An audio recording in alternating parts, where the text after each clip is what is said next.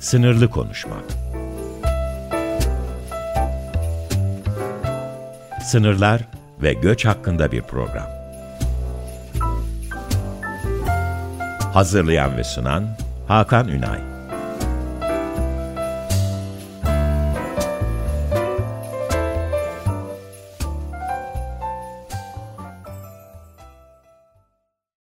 Herkese merhabalar. Yine bir perşembe sabahı sınırlı konuşmak programı ile ben Deniz Hakan Ünay karşınızdayım.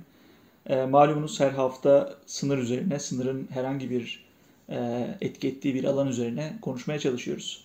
E, buna da e, kararlılıkla devam etmeye e, niyetliyim. E, geçtiğimiz haftalarda daha çok işte göçle ilgili e, bağlantısını konuştuk. Özellikle çok bilinmeyen, çok konuşulmayan deniz sınırları üzerine e, sohbetimiz oldu. E, bu hafta ise aslında biraz öncesinde de konuştuk e, Murat Dönmez hocamla. Herkesin bildiği veya bildiğini zannettiği jeopolitik ve sınırlar üzerine konuşacağız. E, konuğum e, Murat Dönmez. E, hocam hoş geldiniz öncelikle. Hoş bulduk hocam. Teşekkür ee, ediyorum davet için de. Ben teşekkür ederim davetimi kabul ettiğiniz için. Ee, açılışta dediğim gibi sınırın her noktasını konuşmaya çalışıyoruz ve bunu konuşurken herhalde jeopolitikle alakalı bir konuşma yapmasak e, eksik kalırdı. Buna geçmeden önce e, her zaman yaptığım gibi aslında ilk soruyla size başlayalım. E, sınır sizin için ne ifade ediyor Murat Hocam? Sınır hocam nereden baktığımıza göre değişir bana göre. Yani dünyaya yukarıdan bakıyoruz yoksa aşağıdan bakıyoruz? E, yukarıdan bakarsak savaş, aşağıdan bakarsak işbirliği görüyorum ben. Bunu şöyle örneklendirebiliriz. Yukarıdan baktığımız zaman sürekli devlet sınırları, e, çatışma bölge sınırları, sürekli bir e, böl parçala böyle bir sınır hattı var yukarıdan baktığımız zaman dünyaya haritalarda. Ama aşağıdan baktığımız zaman iklim sınırları, işte deprem bunun sınırları, fay hatları, e, işte deniz işbirliği alanları. Aşağıdan baktığımız zaman bunları görmek zorundayız. Ama biz sürekli tepeden baktığımız için insanların sanırım zayıf noktası bu. Hep böyle tepeden bakarak sürekli bir sınır, sürekli bir çizgi çekme ihtiyacı hissediyor. E, o yüzden benim bu soruya cevabım kısaca bu olur hocam. Aşağıdan bakarsak işbirliği, yukarıdan bakarsak savaş görüyorum ben. Çünkü jeopolitik zaten e, tabiri caizse kaostan beslenen bir alan genel kanıya göre. E, jeopolitik de yukarıdan bakar e, haritalara, sınırlara. O yüzden kısaca böyle cevaplandırabilirim. Açıkçası yani her bölümde bu soruyu e, sormamın böyle bir şeyini, e, iyi hissiyatını bu cevaplarda alıyorum. Çünkü hiç beklemediğim veya hiç göremediğim bir tarafından e, bakılıyor sınıra veya ilk intiba o şekilde oluyor. Onun için cevap için çok teşekkür ederim öncelikle. E, evet dediğiniz gibi yani biraz yukarıdan bakma veya uzaktan bakma mevzusu var. Çünkü sınır dediğin zaman veya e, böyle teritoryal bir toprak parçasından bir ülkeden bahsettiğin zaman işte akla haritalar geliyor. Bir hemen önünüzde dünya haritası canlanıyor. O dünya haritasının üzerindeki çizgiler ve sadece ondan ibaretmiş gibi aslında ifade ediliyor.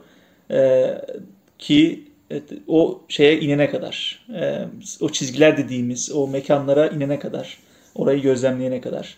E, bu bambaşka bir e, konu ama e, yaptığınız yani giriş yaptığınız noktadan bakarsak e, gerçekten de hani nereden baktığına göre değişen birçok şey var sosyal bilimlerde. Sınırda onlardan bir tanesi. E, şimdi yine başta dediğim bir şeydi. E, yani jeopolitik herkesin bildiğini zannettiği ve herkesin bildiği bir alan. E, bu konuda belki eleştirileriniz olacaktır. Ben sınırdan sonra yine kavramsal düzeyden devam edelim. E, dinleyicilerimize elbette ki duymuşlardır jeopolitik kavramını. işte haberlerden herhangi bir işte karar vericinin ağzından, herhangi bir akademisyenin ağzından duymuşlardır. Bunu açıklamak adına jeopolitiği de şöyle sizin özetleyebileceğinizi düşünüyorum kısaca. Nedir sizce jeopolitik? Buna sınırı da dahil ederek cevaplayabiliriz aslında ya da denemeye çalışabilirim aslında. E, jeopolitik devletlerin e, coğrafi ya da zihin dünyalarındaki coğrafi sınırlarının e, dış politikalarındaki yansıması olarak tanımlayabiliriz hocam. İşin içine sınırı da katarsak. Çünkü jeopolitiğin tarihsel gelişimine baktığımız zaman aslında hep sınırlar var. Sürekli haritalar var. Yani klasik teoriler bağlamında konuşuyorum sınırlar üzerinde coğrafyadan kaynaklı olarak bir hak iddiası ortaya konur. Bu da ulusal güç bağlamında bir devletin elinde araçsallaştırılır, kullanılır. Evet yani aslında e, ne sınırlardan bağımsız, ne devletten bağımsız, ne haritalardan bağımsız ne de politikalardan bağımsız bir şeyden bahsediyoruz. Bir kavramdan bahsediyoruz. Ee, çokça kullanılır, çok meşhur bir kavramdır. Yani e, Türkiye'nin evet, jeopolitik evet. konumundan işte o cümleyle açılır. Bütün analizler, bütün konuşmalar.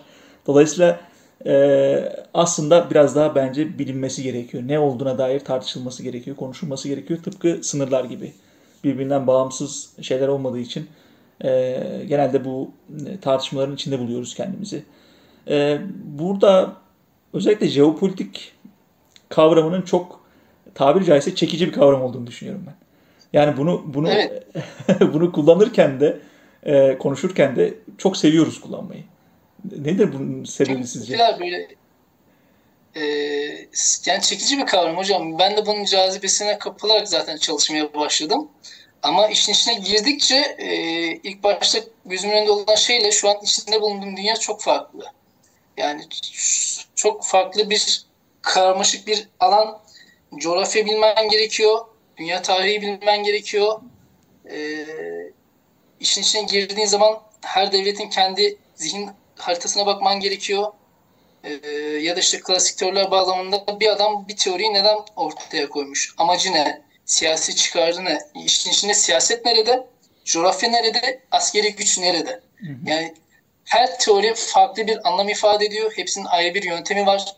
Yani mesela hava hakimiyeti teorisini konuşuyoruz. Bununla ilgili bir umarım yakın zamanda da kitap bölümü de yayınlanacak. Ee, okumaya başladıkça herkes farklı bir yöntem söylemeye başlıyor. Evet tek teori var ama çok farklı yöntem var. Herkesin ayrı bir amacı var. O yüzden jeopolitik her ne kadar popüler olsa da benim kullanmaya çok çekindiğim bir kavram haline geldi. Yani bir şeyin jeopolitik konumu, jeopolitik durumu dediğim zaman e, ya acaba diyorum Murat emin misin? Hani bunu söyleyeceksin ama altından kalkabilecek misin bu cümlenin diye. E, herkesin artık kullanmaya defaatle üstüne bastığı bir kavram ama benim artık çekindiğim bir kavram. ee, yani evet Türkiye'nin jeopolitik konumu diyoruz. Ee, ama aslında orada bahsettiğimiz ya da çoğunluğun bahsetmeye çalıştığı şey coğrafi konumu aslında. Yani enlem boylama budur. Hep önemlidir. Ama neden önemlidir? Jeopolitik konumu döneme göre zaten değişen bir şeydir. Yani e, eğer küresel sistemde e, büyük güçler dediğimiz devletler farklı bir coğrafya çizdiği zaman e, Türkiye'nin jeopolitik konumu diye bir şey kalmıyor. Önemi diye bir şey kalmıyor. Yani buna şöyle somut bir örnek verebiliriz.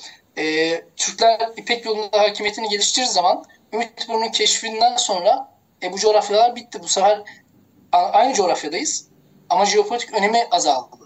Yani sürekli bir Türkiye çok önemli bir jeopolitik konuma sahiptir demek çok doğru bir ifade değil. Evet çok önemli bir coğrafi konuma sahip bunu her zaman söyleyebiliriz. Ama jeopolitik konum bağlamında her zaman çok önemli bir jeopolitik konuma sahip olduğumuz söylenemez. Bunda e, belki yani klasik teoriler, teoriler ile ilgilenen arkadaşlar varsa e, kara hakimiyet teorisi dediğimiz aslında ismen de yanlış olarak yani kapya teorisi de denebilir, başka bir şeyler de denebilir ama bütün mevzu mantığıyla alakalı. E, mesela Türkçe literatürde sadece tek harita yayınlanır. 1905'te yayınlanan harita. Fakat McKinley bu haritayı daha sonra güncelliyor. Bu haritaların hepsinde Türkiye'nin jeopolitik konumu farklı. Yani biz burada bile aslında jeopolitik konumun, Türkiye'nin jeopolitik konumunun sabit olmadığını çok rahatlıkla görebiliriz hocam. Yani aslında kavramı kullanırken ne kadar dikkat etmemiz gerektiğini veya duyduğumuzda ilk duyduğumuz anlamıyla bırakmamamız gerektiğini anlıyorum ben. Bunu çünkü Evet hocam. E, Buyurun, buyurun. Yani şunu da ekleyebilirim. Ee, şimdi çok sevdiğim bir kavram var benim. Jeopolitiği lanetlemek diye. Ee, İkinci Dünya Savaşı'ndan sonra zaten oldukça çekinilen bir kavram. Yani jeopolitiğin gelişiminde birazcık o faşist e, iktidarla beraber tanımlandığı için e, yaşam alanı teorisiyle beraber zaten o dönemlerde çekiniliyor. Daha sonra 1970'lere gelindiği zaman artık yeni e, bölgesel çatışmaların arttığı bir düzende yeniden jeopolitik konuşulmaya başlıyor. Çünkü jeopolitik savaş çığırtkanlığıdır denen e, birçok tanımlama mevcut jeopolitik literatüründe. Yani jeopolitik kimse çiçek böcek olarak tanımlamadığı için e, biz sık sık kullanıyoruz evet. Ama e, uluslararası literatür tarihsel anlamda bu kelimeyi kullanırken birkaç defa düşünüyordur diye e, düşünüyorum ben. Yani galiba çekici olduğu kadar tehlikeli de bir kavram. Ee, şimdi bahsettiğiniz aslında e, özellikle jeopolitik kullanırken çekiniyorumdan bahsettiğiniz şey kendim açımdan da sınırı üzerinde de geçerli bir şey. Yani sınırı kullanırken veya sınırla alakalı bir şey konuşurken aslında işte Türkiye'nin Suriye sınırı, Türkiye'nin İran sınırı, Yunanistan sınırı diye bahsederken çok temel bir şeyden bahsediyorsun ve çok basit bir şey konuşuyorsun gibi geliyor ilk başta. Ama her ne kadar e, derine indiğin zaman, sorguladığın zaman, daha farklı dinamiklerine e, eriştiğin zaman ve bizzat o mekanda bulunduğun zaman iş değişiyor. E, o, onun derinliğine e, kapılmak gibi bir şey var. Gerçekten de var. Bizim sosyal bilimlerin bir gerçeği bu herhalde. E, dolayısıyla sizi çok iyi anladığımı ifade edeyim orada. E, aslında jeopolitikten yani sizin çıkış noktanız benim de varacağım noktaydı. Yani jeopolitik denince insanların aklına bir coğrafya geliyor. Coğrafi bir terim, coğrafi bir kavramdan aslında ilk canlanan, canlanan şey o. Ben orada sınırların rolünü çok merak ediyorum sizin gözünüzden. Ee, yani ben bir işte göç çalışan veya sınırın işte güvenlik veya diğer bütün aşamalarını e, çalışmaya çalışan biri olarak sadece e, işin o tarafına bakabiliyorum ve coğrafi açıdan çok dışarıdan görebildiğim söylenemez. E, dinleyicilerim için de bu çeşitlilik bence önemli olacaktır. E, sizce sınırların rolü ne orada? Hem coğrafi açıdan hem özellikle jeopolitik kavram özelinde. Şimdi ülkelerin jeopolitiğini düşündüğümüz zaman hocam e, yine yaşam alan teorisini buna örnek verebiliriz. Yine bir sınır çiziliyor. Yani Haushofer orada sınır çizerken Almanların yaşam alanının sınırını çiziyor. Ve bu sınıra e, uyumaya çalıştığı zaman savaş çıkıyor. Günümüzde geldiğimiz zaman Türkiye'de de yine çok konuşuluyor Avrasyacılık, Neo-Avrasyacılık gibi kavramlar var. Bu da yine sınırlarla alakalı. Yine bu da Rusların zihin dünyalarındaki e, Rusya'nın bir sınırı. Yani jeopolitik her dediğim zaman aslında sınırlarla eş anlamlı da kullanılabilir bu bağlamda. Yani ben bugün işte İpek Yolu jeopolitiği çalışıyorum. Yine bir sınır çiziyorum kendi dünyamda. Ee, Türkiye'nin jeopolitiği dediğimiz zaman da işte e, birkaç tane e, kavram geçer. Bir tanesi işte Adriyatik'ten Çin denizine. E, bu da bir sınırla alakalıdır. Yine biz büyük bir e, tarihsel ve kültürel bağlamda bir sınır çiziyoruz kendi içimizde. Türkiye'nin jeopolitik kültürünü konuştuğumuz zaman. Ya da işte e, Davutoğlu'nun ortaya stratejik derinlik yine bir sınır çiziyoruz güvenliğimizle alakalı olarak. Bunlar doğru veya yanlıştır demiyorum ama jeopolitik her konuştuğumuz zaman zaten sınır konuşuyoruz. E, ülkelerin kendi yaşam alanlarını çizdiği sınırlardan bahsediyoruz. Ya da teorilere baktığımız zaman işte deniz hakimiyet teorisi. Denizsel bir sınır alanımız var ve bu sınırları en iyi şekilde nasıl yönetebiliriz? Bunun teorisini ortaya koymaya çalışıyorlar. Yine e, ya da işte kara hakimiyet teorisi. Denizin ulaşamadığı bir sınır çiziyoruz kendi dünyamızda. Denizden erişilemeyen, kendi içerisinde kendi hayatını idame ettirebilecek bir coğrafi sınır. Ya da hava hakimiyet teorisi ki e, ben artık hava hakimiyetinin bir jeopolitik teori olarak ele alınması gerektiğini düşünmüyorum. Çünkü ortada bir sınır yok. Yani yer ve gök arasında muazzam bir sınırsızlık. Bir sınır çizemiyorsunuz. Bir hedef noktanız yok. E, sadece yukarıda teknoloji ağırlıklı bir güç unsuru olmaya çalışıyorsunuz. O yüzden bunu artık hariç tutuyorum. Yani bununla ilgili bir kitap bölümü yazmış olmamın en büyük avantajı sanırım e, yüksek lisans danışmanımın hakkını teslim etmiş olmak. E, Burak Çınar'la beraber çalışmıştım askeri tarihçi. Hep hava hakimiyeti teorisini bunun dışında tuttuğunu, neden tuttuğunu anlamış oldum. Çünkü bir sınır yok orada. Tamamen teknolojinin belirlediği bir sınır var. Bu da doğrudan teoriyi belirleyen bir alan aslında. Yani her anlamda zaten sınırlardan bağımsız jeopolitik konuşmamız mümkün değil. O yüzden bazen arkadaşlar işte jeopolitik üzerine yazmak istiyorum dediği zaman ben önce şeyi soruyorum. Hangi alan? Hani sınırları ne bunun? Hangi teori anlamında bir sınırlandırma yapacaksınız? Ya da bir teori kullanacak mısınız?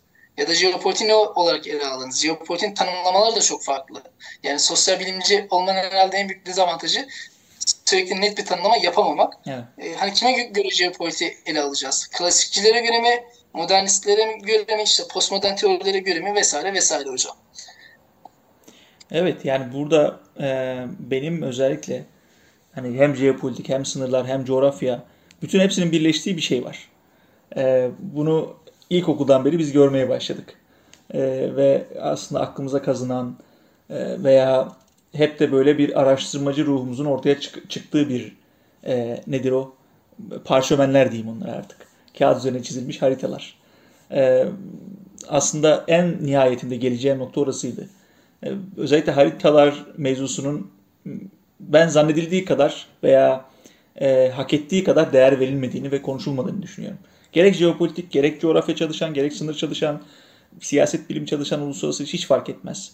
E, biz haritalara gereken önemi veremiyoruz gibi hissediyorum. Ee, burada kesinlikle hocam. Burada düşüncenizi merak ediyorum. Yani haritaların bir jeopolitik uzmanının gözünden nasıl göründüğünü e, merak ediyorum. Estağfurullah hocam. Uzmanım demek bu alanda henüz e, benim kullanabileceğim bir kavram değil. Olmaya çalışıyoruz diyelim.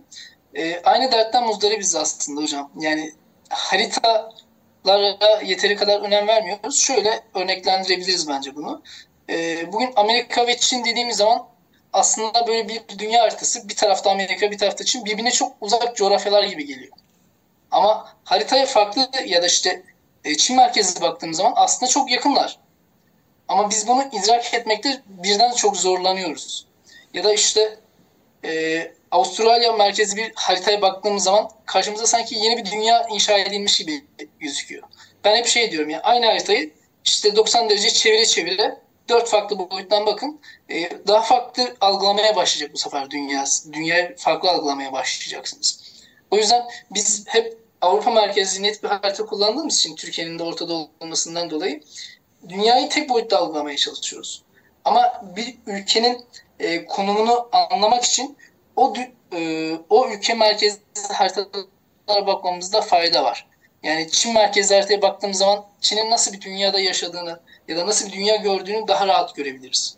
Ya da Rusya merkezli baktığımız zaman Arktika bölgesi merkezli baktığımız zaman yani bugün çok uzak bir coğrafya gibi ya da çok büyük bir alan gibi gelebilir. Ama Arktika merkezli baktığımız zaman muazzam bir çatışma alanını çok rahatlıkla görebiliriz. Yani bizim Orta Doğu sınırı gibi orada da çok rahat e, yeni çatışma sınırlarını görmemiz mümkündür. O yüzden e, dediğinize katılıyorum yani haritalar yeni harita üretmeleri, harita teknikleri. Ben mesela topograf ve haritalarına hastayımdır hocam. Yani muazzam haritalar.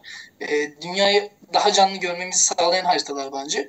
Çünkü e, bir ülkenin kendi coğrafyasını ne kadar iyi tanımlar, ne kadar iyi haritalandırırsa, ne kadar bu haritalara hakim olursa hareket etmesi e, sınır ötesi, sınır içi ya da işte şehirleşme için ya da tarım sınırları için daha kolay olacaktır. O yüzden bir ülke kendi sınırlarını e, sadece bunu e, siyasi anlamda söylemiyorum. İklim, sosyolojik, kültürel, dini, diğer alanlarda ne kadar iyi hakimse bu sınırlarına e, kendini güçlendirmede ya da zayıflıklarını ve güçlü yanlarını görmede o kadar başarılı olacaktır diye düşünüyorum hocam. Evet, bu, bunu sormamın sebebi aslında e, özellikle bir jeopolitik çalışan biriyle konuşurken çok daha değerli olduğunu düşünüyorum. Bu birincisi. İkincisi de ben e, özellikle lise çağlarımda hatta belki ortaokul çağlarımda hatırlıyorum. Yani köy okulunda olmama rağmen okulumuzun küçük bir böyle kitaplığı vardı ve orada atlaslar vardı. O atlaslar e, yani hani şimdi tabii e, sıkıldığımız zaman, zaman geçecek bir şey aradığımız zaman gene de telefonlara sarılıyoruz ama e, o zamanlar işte atlasları açtığınız zaman bütün dünya önünüzdeydi ve çok büyük bir heyecandı o. E, onu araştırmak, onu sorgulamak çok büyük heyecandı. Şimdi yani belki de ben bilmiyorumdur ama çok o kadar olmadığını düşünüyorum. O kadar ilgi duyulmadığını düşünüyorum. Zaten hani bu programı yapmamızın veya bu alanlarda çalışmamızın biraz sebebi de o. Yani daha fazla çalışılması gerekiyor. Jeopolitiğin, sınırın, coğrafyanın, e, ülkeye dair değerlerin çok daha fazla çalışılması gerekiyor. E, bütün çıkış yolumuz da bu zaten. E, bu noktada e, belki hem dinleyicilerimizle bir farklı bir görüş açısı sunabilmek adına e, biz geçmiş programlarımızda sürekli işte hem göç hem de e, sınırın dokunduğu her yere değinmeye çalışıyoruz ve konuşmaya çalışıyoruz. Ben şimdi bir de jeopolitikçinin gözünden Türkiye'nin sınır politikasını nasıl gözlemlediğini merak ediyorum. Bunun içine istediğiniz her şeyi ekleyebilirsiniz. Yani sadece bir tema odaklı sormak istemiyorum sizi sınırlandırmamak için. Göç, güvenlik, politika, dış politika ne derseniz. Ee, nasıl görüyorsunuz? Ee, evet zor bir soru. ee, şöyle ben öncelikle Türkiye'nin kendi coğrafyasını çok iyi tanımadığını düşünüyorum. Yani biz hep e, işte Türkiye üç tarafa denizlerle çevrili e, bir ada ülkesi olarak, yarım ada ülkesi olarak tanımladık. Ama aslında Türkiye iki yarım ada ülkesidir. Yani bir de bizim Avrupa vardır. O yüzden e, kulakları çınlasın. Deniz ve Ersin hocalarım hep şey der yani Türkiye e, altı tarafı denizlerle çevrili iki yarımadadır şeklinde. Benim çok sevdiğim bir tanımlamadır. Onlardan duyduğum için söylüyorum. Onlardan gördüğüm için daha doğrusu. Türkiye'nin sınır politikası eleştirerek başlayayım. Daha sonra artılarını söyleyebilirim. E, birincisi kendi sınırlarının farkında değil. Sınırlarına göre hareket eden bir devlet değiliz ne yazık ki. Yani her tarafımız denizle çevrili olmasına rağmen henüz e, yerleşmiş bir denizci zihniyetimiz yok. E, bunu asker anlamda söylemiyorum. Bir kültürümüz yok yani denizcilik kültürümüz yok. E, bu da insan, devlet ve sınırların uçmadığı anlamına gelir. Bu, bu uyuşmazlıklar ne kadar artarsa devletin zafiyeti de o kadar artar. E, diğer boyut hala Türkiye'nin e, doğal sınırlarının farkında değiliz. Fay hatlarının, akarsularının, tarım arazilerinin, üretim merkezlerinin e, biz o kadar fazla suni sınırlar yaratmayı seviyoruz ki bu doğal sınırlara uyumsuzluğumuz çok had safhada. Bu sefer de doğal afetlerden tutun da işte sosyolojik uyuşmazlıklara kadar geçen muazzam bir kaosun içerisine ülkemiz sürüklenmiş halde diye görüyorum. E, işin güvenlik boyutuna gelelim. Daha belki e, iyimser konuşabileceğim bir alanda. Türkiye en azından e, sınır güvenliğinin farkında kısmen. Yani işin e, göçmen boyutunu daha önce konuştuğumuz e, için girmiyorum. Orası benim alanım değil. E, ama sınır güvenliği bağlamında e, yapması gereken şeyleri yeri geldiği zaman yaptığını e, e, fakat hala eksikliklerin olduğunu düşünüyorum. Çünkü hiçbir devletin sınırı, güvenlik sınırı kendi e, ulusal sınırından başlamaz. O yüzden e, Türkiye'nin bir doktrinsel anlamda bir güvenlik sınırı da tanımlaması gerektiğini düşünüyorum. Çünkü Türkiye dediğimiz zaman bizim aklımıza bir sürü harita geliyor. İşte Selçuklular, Osmanlılar, işte Cumhuriyetimiz, işte e, Osmanlı'nın hükmettiği e, denizsel sınırlar ya da işte bizim Balkanlarla olan kültürel bağımız, Orta Doğu'yla olan dinsel bağımız e, o kadar fazla sınırların bir e, karışımı bir coğrafyada yaşıyoruz ki bütün bu sınırları iyi tanımlayıp bu ayrımları iyi gözetmemiz gerektiğini düşünüyorum. Yani Türkiye birçok anlamda evet bunları başarıyla uygulayabiliyor. Fakat hala biz e, standart ya çok temel şeylerde kalıyoruz hocam. Yani bugün e, birçok araştırma merkezi ya da yurt dışında birçok merkezde muazzam haritalar, infografikler yayınlanabilirken biz hala dış politikada herhangi bir aksiyondan sonra bu böyle bir harita yayınlama ihtiyacı duyabiliyoruz. E, bu alanda e, oldukça eksikliklerimiz var. Sürekli dile getirdiğim şekilde söyleyebildiğim her yerde bunları söylüyorum ki çünkü e, adamlar topografya haritalarından bir dış politika analizi için çok güzel herkes anlayabileceği bir çalışma ortaya koyabilirken biz hala aynı haritayı işte şu şu enlem boylamdayız diye yayınlayıp e, bir şeyler öğretmeye çalışıyoruz. Yani ne öğrenebiliyoruz ne gelecek kuşaklara dair bir coğrafi e, sınırlar çizebiliyoruz. Böyle bir kültür bırakabiliyoruz. Bu anlamda oldukça eksiğimiz olduğunu e, söyleyebilirim çekinmeden. Aslında açık konuşayım tam da duymak istediklerim bunlardı. Yani ben hani bir e, uluslararası ilişkiler öğrencisi olarak böyle bir bakış açısına sahip değilim. E, ama bir jeopolitikçi gerçekten daha farklı bakabiliyor. Yani bir topografi haritası üzerinden ve bunu dış politika yorumlama üzerinden değerlendirebiliyor. E, dolayısıyla e, cevabınız için teşekkür ederim. E, programımızda yavaş yavaş sonuna geliyoruz. E, artık son dakikalarımız. E, ben özellikle e, sınır, coğrafya, jeopolitik ilişkisini çok iyi e, aktarabildiğimizi düşünüyorum bu e, sohbette, güzel sohbette. E, çok teşekkür ederim Murat Hocam size verdiğiniz katkı için. Rica ederim hocam. Benim için de büyük bir keyif oldu. Ben de çok seviyorum böyle konuşmayı. E, kelimelerimi seçerek kullanmaya çalışıyorum. Hani sürçülisan olabilir. E, çünkü gerçekten zor bir alanda çalıştığımı düşünüyorum. E, bu alanda çalışan arkadaşlar varsa beni çok rahat anlayacaklardır.